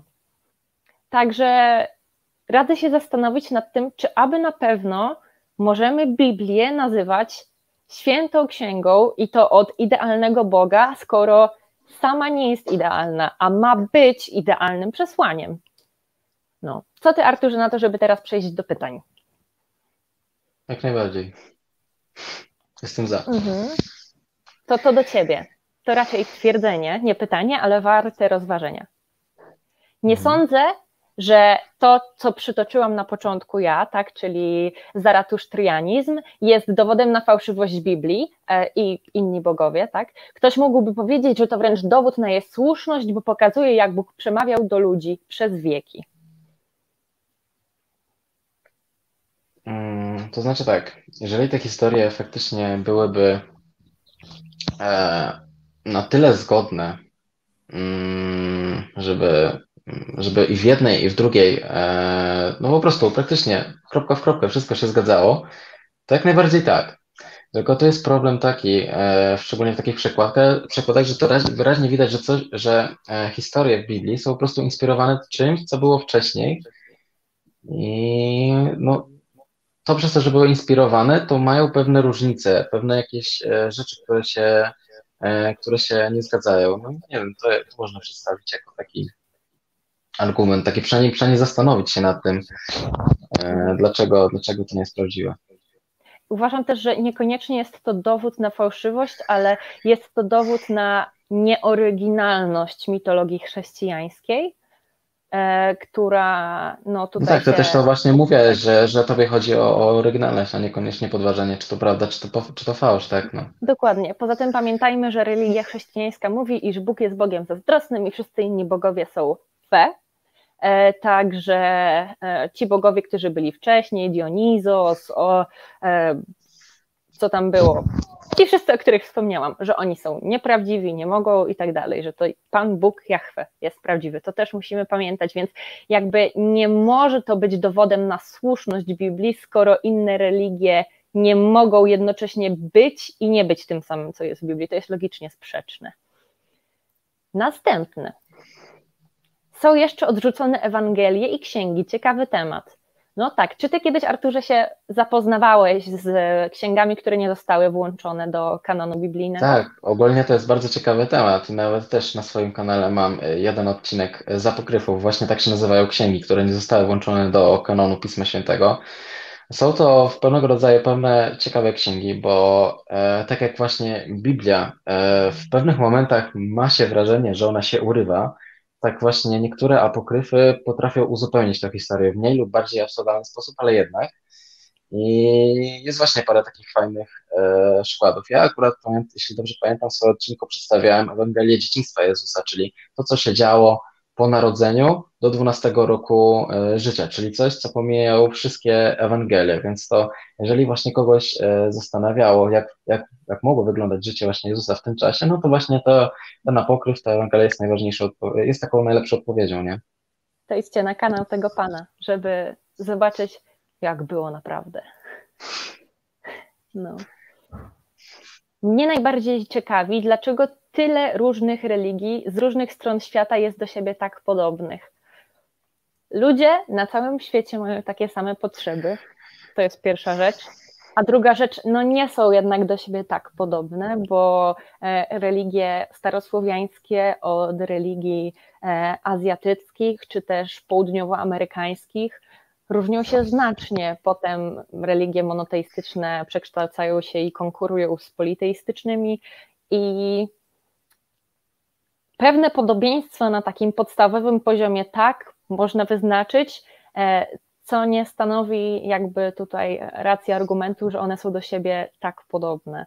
E, no poza tym, skoro ludzie wszędzie potrzebują mieć zaspokojoną potrzebę bezpieczeństwa i przynależności do stada, no to chyba też historie, które tworzą, a przynajmniej według mnie, będą po części zaspokojać te potrzeby, które są obecne u ludzi na całym świecie.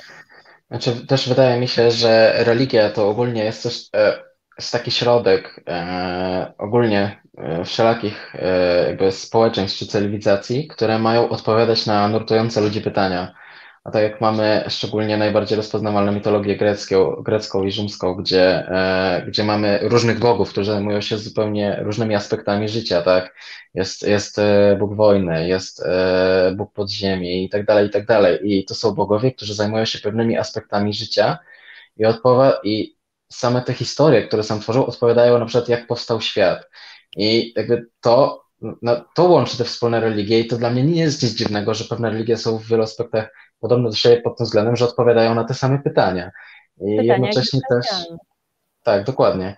A jednocześnie też można zauważyć, że e, religie ewoluują wraz z dojrzałością, wraz z powiększeniem się wiedzy e, ludzi, że jak kiedyś e, właśnie wierzono, że co wydawałoby się dzisiaj absurdalne, że Bóg powoduje burzę i że trzeba jakby sprawiać e, modły, żeby, żeby na, albo na przykład sprawiać modły, żeby spadł deszcz, bo akurat w tym roku nie pada, no tak w tym roku niewiele jest osób, które w to wierzy, tak, bo po prostu zwiększyła się, zwiększyła się ogólna wiedza społeczeństwa i, i po prostu. Ubik to jest ironiczne, że ateiści bardziej zajmują się religijnymi tematami niż wierzący. Tak, to jest ironiczne, ale to też pokazuje, myślę, pewną różnicę w podejściu do tego, jak zdobywamy wiedzę. Bo nie wiem, jak wierzący, e, ale my staramy się znaleźć odpowiedź, patrząc na tyle źródeł, ile to możliwe, i naprawdę zastanowić się, ile mamy dostępnych informacji i jak możemy dojść do konstruktywnych wniosków. No a jak do tego by podeszła osoba wierząca, Arturze? Znaczy właśnie też myślę, że osoby wierzące, szczególnie które są wierzące od dzieciństwa, tak wychowywane e, w pewnym, e, pewnym systemie wierzeń, to one dosyć bezrefleksyjnie w większości podchodzą w ogóle do takich e, kwestii typu właśnie czy Bóg istnieje, czy czy Bóg jest miłosierny i tak dalej, ponieważ mają po prostu pewien, pewne, pewne pudełko informacji, które jakby ciężko po prostu dla nich otworzyć i po prostu mają taki zbiór po prostu pewnych stwierdzeń, których, na których e, nie próbują nawet e, wprowadzić jakiejś takiej głębszej refleksji, tylko po prostu tak jest i tyle, przejmują to tak dosyć właśnie bezrefleksyjnie, mówiąc najogólniej. Łukasz Piłka ma komentarz odnośnie Twojego fragmentu o Maryi, czy zauważył już ktoś, że Maryi nikt nie pytał, czy zgadza się na urodzenie dziecka nie pochodzącego od jej męża? Przyszedł męskiej postaci anioł i zakomunikował polecenie do wykonania. Znaczy tak, e, jeśli chodzi o Ewangelię, gdzie są przedstawione Mateusza i Łukasza, to tam praktycznie żadnego dialogu nie ma, tam to po prostu e, Łukasza, bo u Mateusza pojawia się Józefowi. U Łukasza przedsta e, przedstawia się Archanioł Gabriel i mówi, że E, jesteś w szóstym miesiącu ciąży, za chwilę urodzisz e, dziecko, które e, będzie, które zbawi świat, tak?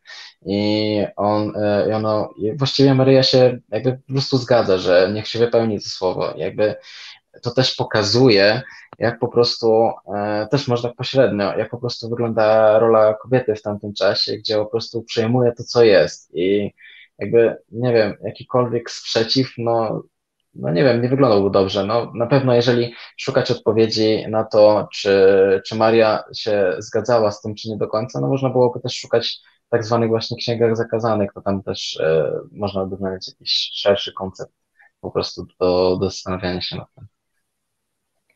Anfilm nie ma to jak Bóg pytający samego siebie, czemu on sam siebie samego opuścił. Sam siebie samego opuścił. Tak, ogólnie jest bardzo dużo e, absurdów związanych z tym, jak komunikuje się Jezus ze swoim Ojcem. Tak samo jak e, mamy scenę w, na Górze Oliwnej w Grójcu, kiedy jakby nagle okazuje się, że nagle, nie wiem, staje człowiekiem, nagle dostaje takiego załamania, że on nie chce tego, że po prostu to, to się wydarzyło, a jednak e, po jakimś czasie właśnie wstępuje jakaś inna siła, która twierdzi, że no ale musi tak być, nie? I po prostu e, w pewnym momencie są to dwie postacie, później nagle jedna i generalnie bardzo ten ogólnie koncept Trójcy Świętej jako jednej osoby też po prostu się rozjeżdża w pewnych rzeczach, w pewnych e, momentach. Mhm. E, szczególnie patrząc na to, że e, część chrześcijan uważa, e, że i naciska mocno na tą monoteistyczną część Trójcy, że nie powinno się rozróżniać między Ojcem, Synem i Duchem Świętym, a część wyraźnie rozróżnia, czyli kładzie nacisk na tą politeistyczną część wierzenia, która też została zapożyczona z pogańskich mhm. kultur, że jest wyraźny rozdział na Boga, na Syna, Ojca i Ducha i każdy z nich ma swoje osobne działania. Nie wiadomo, jak tam oni są tym jednym, ale są, więc dlatego religia monoteistyczna, ale rozpatrujemy wszystkich trzech osobno. No i w ten sposób rzeczywiście idea Trójcy rozpada się e, na drobne kawałki. Chcesz przeczytać? E, Piotr Kluczek. Idealny Bóg mógł natknąć nieidealną księgę z błędami, ale wciąż idealnie spełnia swoją rolę, więc nie ma problemu. E, e, strasznie mi to brzmi, że strasznie mi to jakby strasznie to brzmi tak aż za prosto, że po prostu no, no nieważne, że coś tam, coś tam się nie zgadza i tak jest okay, no bo zakładając, że wszystko to napisali e, ludzie, to można tak stwierdzić, że to nie ujmuje świętości księgi, ale jednocześnie, kiedy, e, kiedy po prostu pewne, pewne fakty się nie zgadzają, to dlaczego zastanawiać, dlaczego Bóg na przykład nie zaingerował, ale okej, okay, ale ten fragment mi nie pasuje i czemu, czemu to tego nie skorygować, nie ujednolicić w jakiś sposób, tylko Pamiętaj, że to jest mowa, że idealny Bóg mógł natchnąć nieidealną księgę.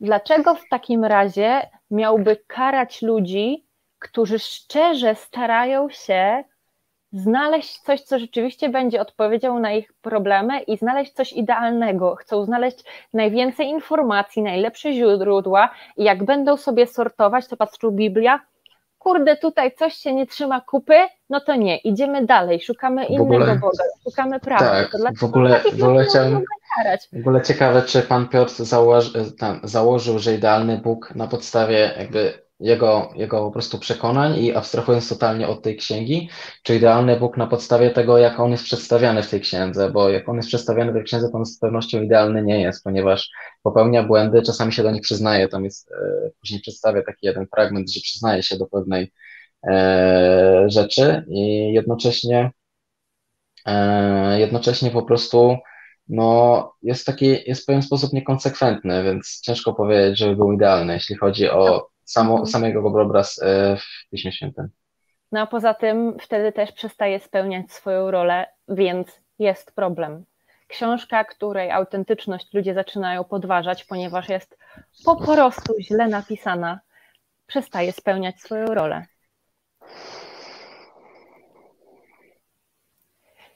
A może spisujący kolejne księgi po prostu byli inni? Przez wieki teksty Starego Testamentu były przekazywane ustnie. To się komuś mogło coś zapomnieć, co uzupełnił inny. No tak jak Artur przed chwilą wspomniał, dlaczego Bóg nie zainterweniował? Nie. E, ja, mhm. bo trzeba by się stworzyć taki mini eksperyment po prostu, e, jakby stworzyć co było, gdybym ja był Bogiem, tak? Że mhm. e, okej, okay, spełniam taką misję, stworzyłem już cały świat, stworzyłem ludzkość i teraz chcę przekazać taką świętą księgę, dzięki której wszyscy ludzie, dosłownie wszyscy, bo taka, taka jest misja, tak? Żeby wszyscy ludzie wierzyli we mnie, żeby mnie e, chwalili, żeby się do mnie modlili. E, takie jest założenie, żeby, żeby wszyscy, wszyscy mnie gloryfikowali. I nagle pojawiają się jakieś błędy, przez co pewna część ludzi ma wątpliwości, no ale skoro to jest napisane tak, a tam jakoś inaczej, no to dlaczego? No to moim zdaniem to powinno być, e, znaczy jeżeli Bóg jest wszechmocny, to wystarczyło po prostu zainterweniować w taki sposób, żeby ta księga była jednolita. Dokładnie. I może cudownie po prostu pyk, macie tu ludzie wtedy w starożytności i wtedy jak ludzie paśli owce na pustyni, to macie książki, nam wszystkim od urodzenia plik w PDF-ie, konto boskie na Gmailu założone i jakby no nie ma żadnych wątpliwości, nie?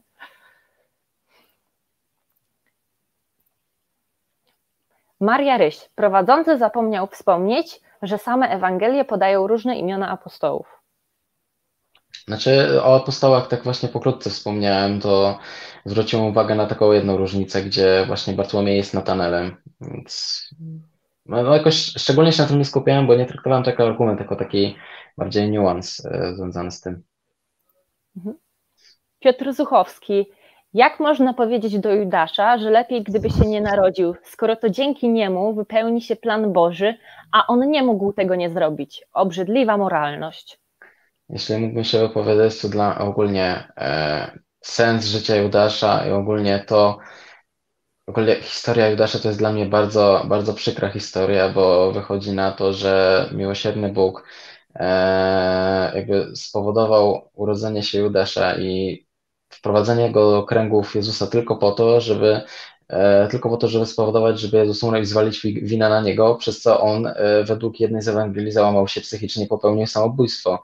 Więc e, gdzie jest, gdzie jest ten miłosierny Bóg, który sprawia, że jakby, jakby no, powoduje jakąś chorobę psychiczną u człowieka i, i tak naprawdę jest napisane w Ewangelii, że opętuje go szatan. I nie, w Ewangelii nie zauważam jakiejkolwiek przyczynowości, żeby E, Judasz chciał, żeby szatan go e, opętał, tylko po prostu zostało zadecydowane gdzieś z góry, bo był taki plan z góry, że, że to właśnie on ma być tym człowiekiem. W ogóle o tym nie powiedziałem, ale to w jaki sposób, właśnie, to była bardzo ciekawa rzecz.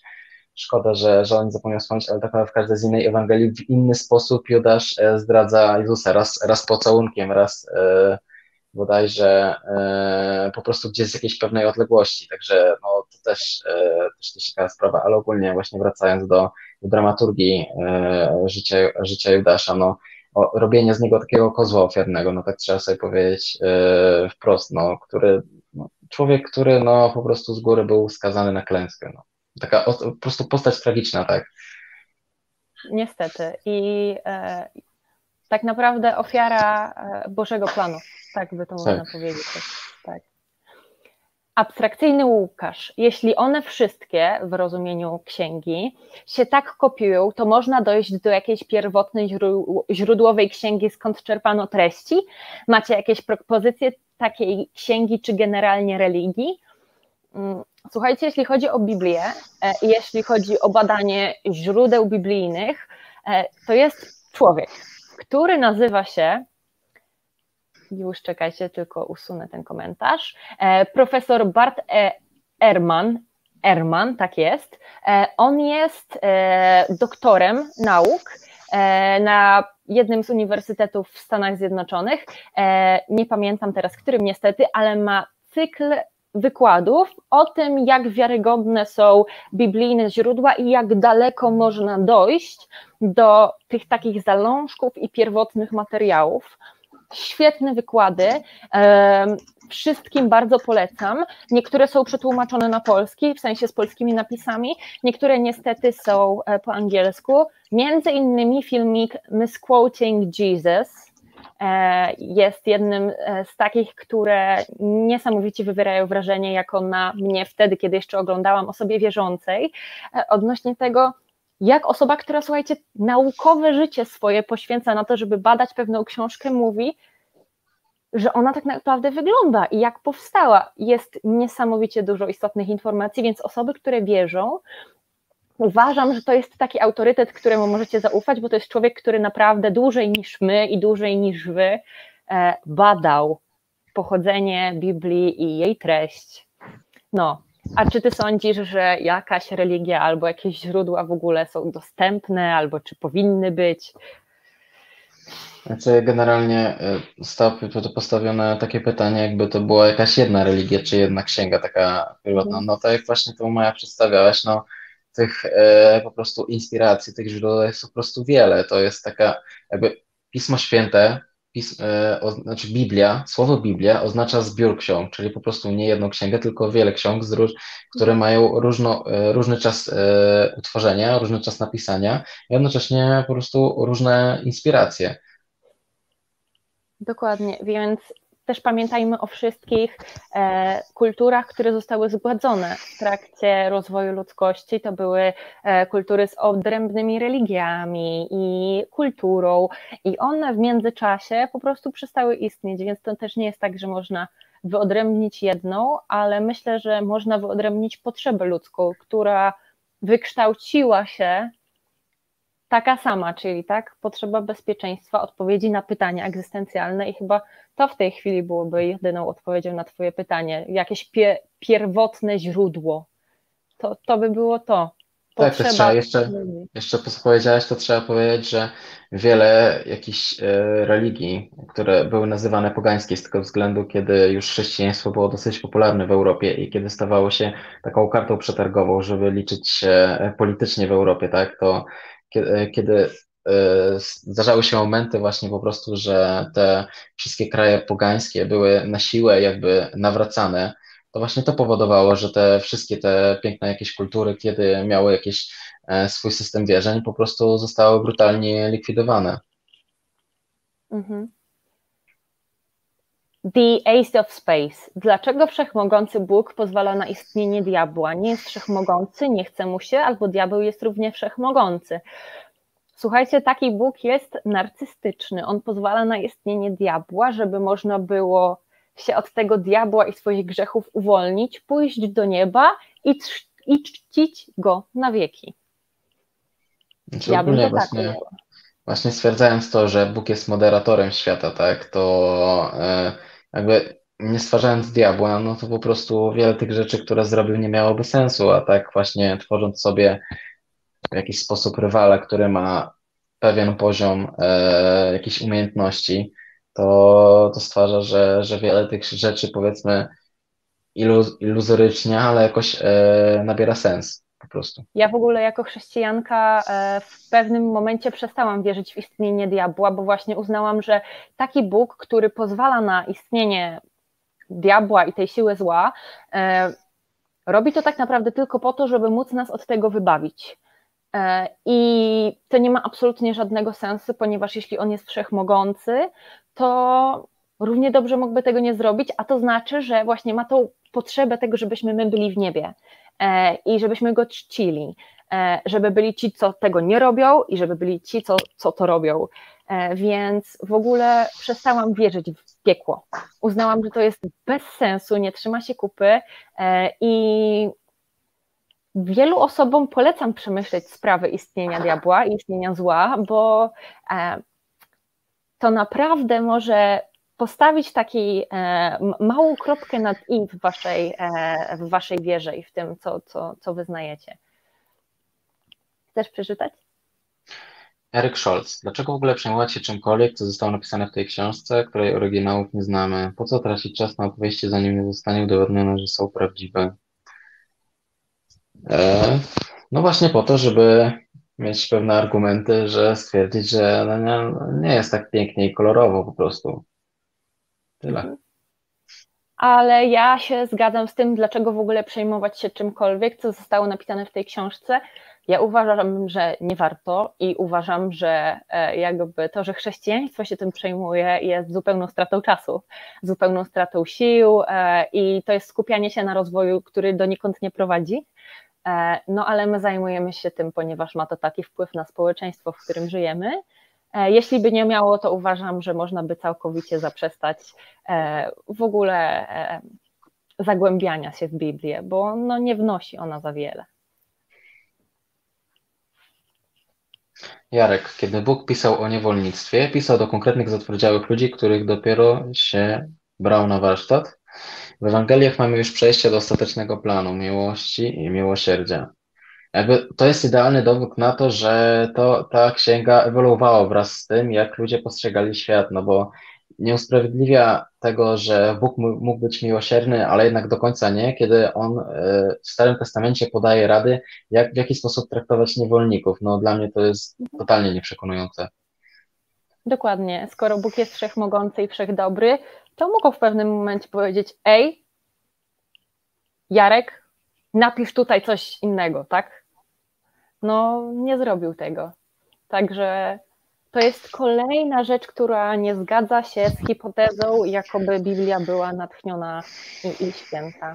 Słuchajcie, na sam koniec odcinka mamy dla Was kilka, w sumie Artur ma dla Was kilka cytatów, które są takimi ciekawostkami biblijnymi. E, I e, Arturze, jestem za tym, żebyś przedstawił trzy, tak na sam koniec, taką świętą trójcę ciekawostek, cytatów, które, którymi możemy zakończyć dzisiejszy dzień. Jasne. Jeżeli trzy, to chciałbym właśnie przedstawić jeden fragment ze Starego Testamentu i dwa z Nowego, bo często też przejawia się, e, można usłyszeć argumenty, że ok, ale to było w Starym Testamencie, więc generalnie, a w Nowym już jest wszystko, wszystko w porządku i nie ma jeszcze takich, takich e, brutalnych e, spostrzeżeń. Jeśli chodzi o Stary Testament, to w księdze, w skrócie JR, nie, wiem, czy, e, nie pamiętam szczerze mówiąc, jak się ta księga nazywa, ale e, rozdział 42, wersety 9 do 10. I powiedział do nich, to mówi Pan, Bóg Izraela, do którego mnie posłaliście, by przedstawił mu waszą prośbę. Jeżeli będziecie nadal mieszkać w tym kraju, wzmocnię was, a nie zniszczę. Zasadzę was, a nie wyrwę. Ogarnął mnie bowiem żal nad nieszczęściem, jakie wam uczyniłem. Tutaj e, jest przedstawione, że Bóg zwraca się bezpośrednio do ludu Izraela i jakby przyznaje się do tego, że uczynił ludziom zło. Przyznaje się do tego, że Bóg, e, wszechdobry, wszechdobry Bóg, udowadnia, że zrobił jakąś złą rzecz i ogarnia go skrucha, czyli przejawia jakieś e, ludzkie, ludzkie emocje, jakieś ludzkie słabości. Jeśli chodzi o Nowy Testament, to chciałbym przedstawić e, na przykład fragment e, z pierwszego listu do Koryntian, E, rozdział 14, wersety 33-35, to idealnie przedstawia rolę kobiet, kobiet w społeczności. Bóg bowiem nie jest Bogiem zamieszania, lecz pokoju. Tak jak to jest we wszystkich zgromadzeniach świętych, kobiety mają na tych zgromadzeniach milczeć. Nie dozwala się im bowiem mówić, lecz mają być poddane, jak to prawo nakazuje. A jeśli pragną się czegoś nauczyć, niech zapytają w domu swoich mężów. Nie wypada bowiem kobiecie przemawiać na zgromadzeniu. No i szczerze powiem, w Starym Testamencie może ten fragment by mnie tak nie dziwił, ale kiedy są przedstawione w liście, w liście do, e, do Koryntian, gdzie jest jakby jawnie przekazane, że kobieta ma po prostu e, być i nie ma jakby jakiejkolwiek e, mocy sprawczej, jakiejś czynnej, czy jakiegoś czynnego uczestnictwa w tym, jak ma przedstawiać się czy nabożeństwo, czy na, można powiedzieć ogólnie, po prostu jakiekolwiek zgromadzenie, a to można pociągnąć dalej e, w tę stronę, że kobieta nie ma właśnie prawo się czegokolwiek e, nauczyć. I jeszcze jeden fragment. Hmm.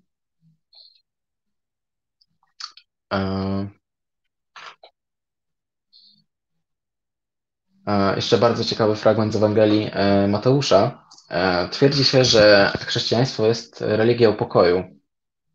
Jednak, e, jednak Jezus e, udowadnia, że, że jednak może to nie być do końca. Najpierw Wam przeczytam ten fragment, później Wam objaśnię nieco kontekst, żeby, żeby, żeby nie brzmiało to może aż tak brutalnie, choć wyciągnięte z kontekstu faktycznie tak jest.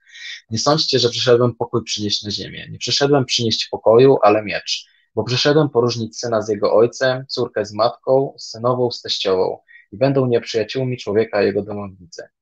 Tutaj e, Jezus mówi jasno, że e, i on mówi dalej, że e, jeżeli ktoś kocha matkę, ojca i tak dalej, innego członka rodziny bardziej niż Jezusa, to nie jest go godzien.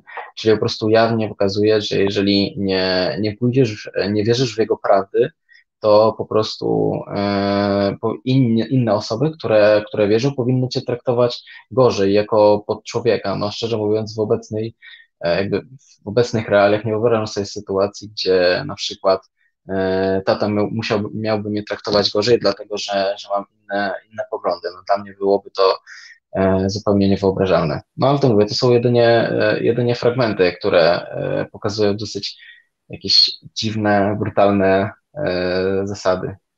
Mhm.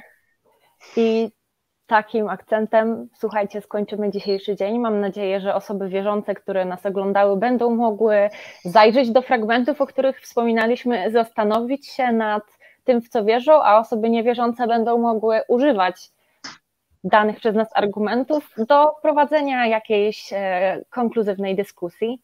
Pamiętajcie, subskrybujcie kanał Artura bez Boga, na którym niedługo pojawi się nowy content, a nas, stację Ateizm, możecie śledzić przez YouTube'a, Facebooka, Instagrama. Piszcie na grupie dyskusyjnej, e, grupie naszych widzów, a także na adres mailowy kontakt małpastacja myślnikateizm.pl. Zadawajcie nam pytania. I jeśli chodzi o telefony, śledźcie naszą stronę facebookową i grupę dyskusyjną. Tak szybko jak wejdą, damy Wam znać, obiecujemy. No a na ten czas trzymajcie się i do za tydzień. Na razie, Dzięki, cześć. Arturze, że byłeś. Cześć. Dzięki wielkie. Pa.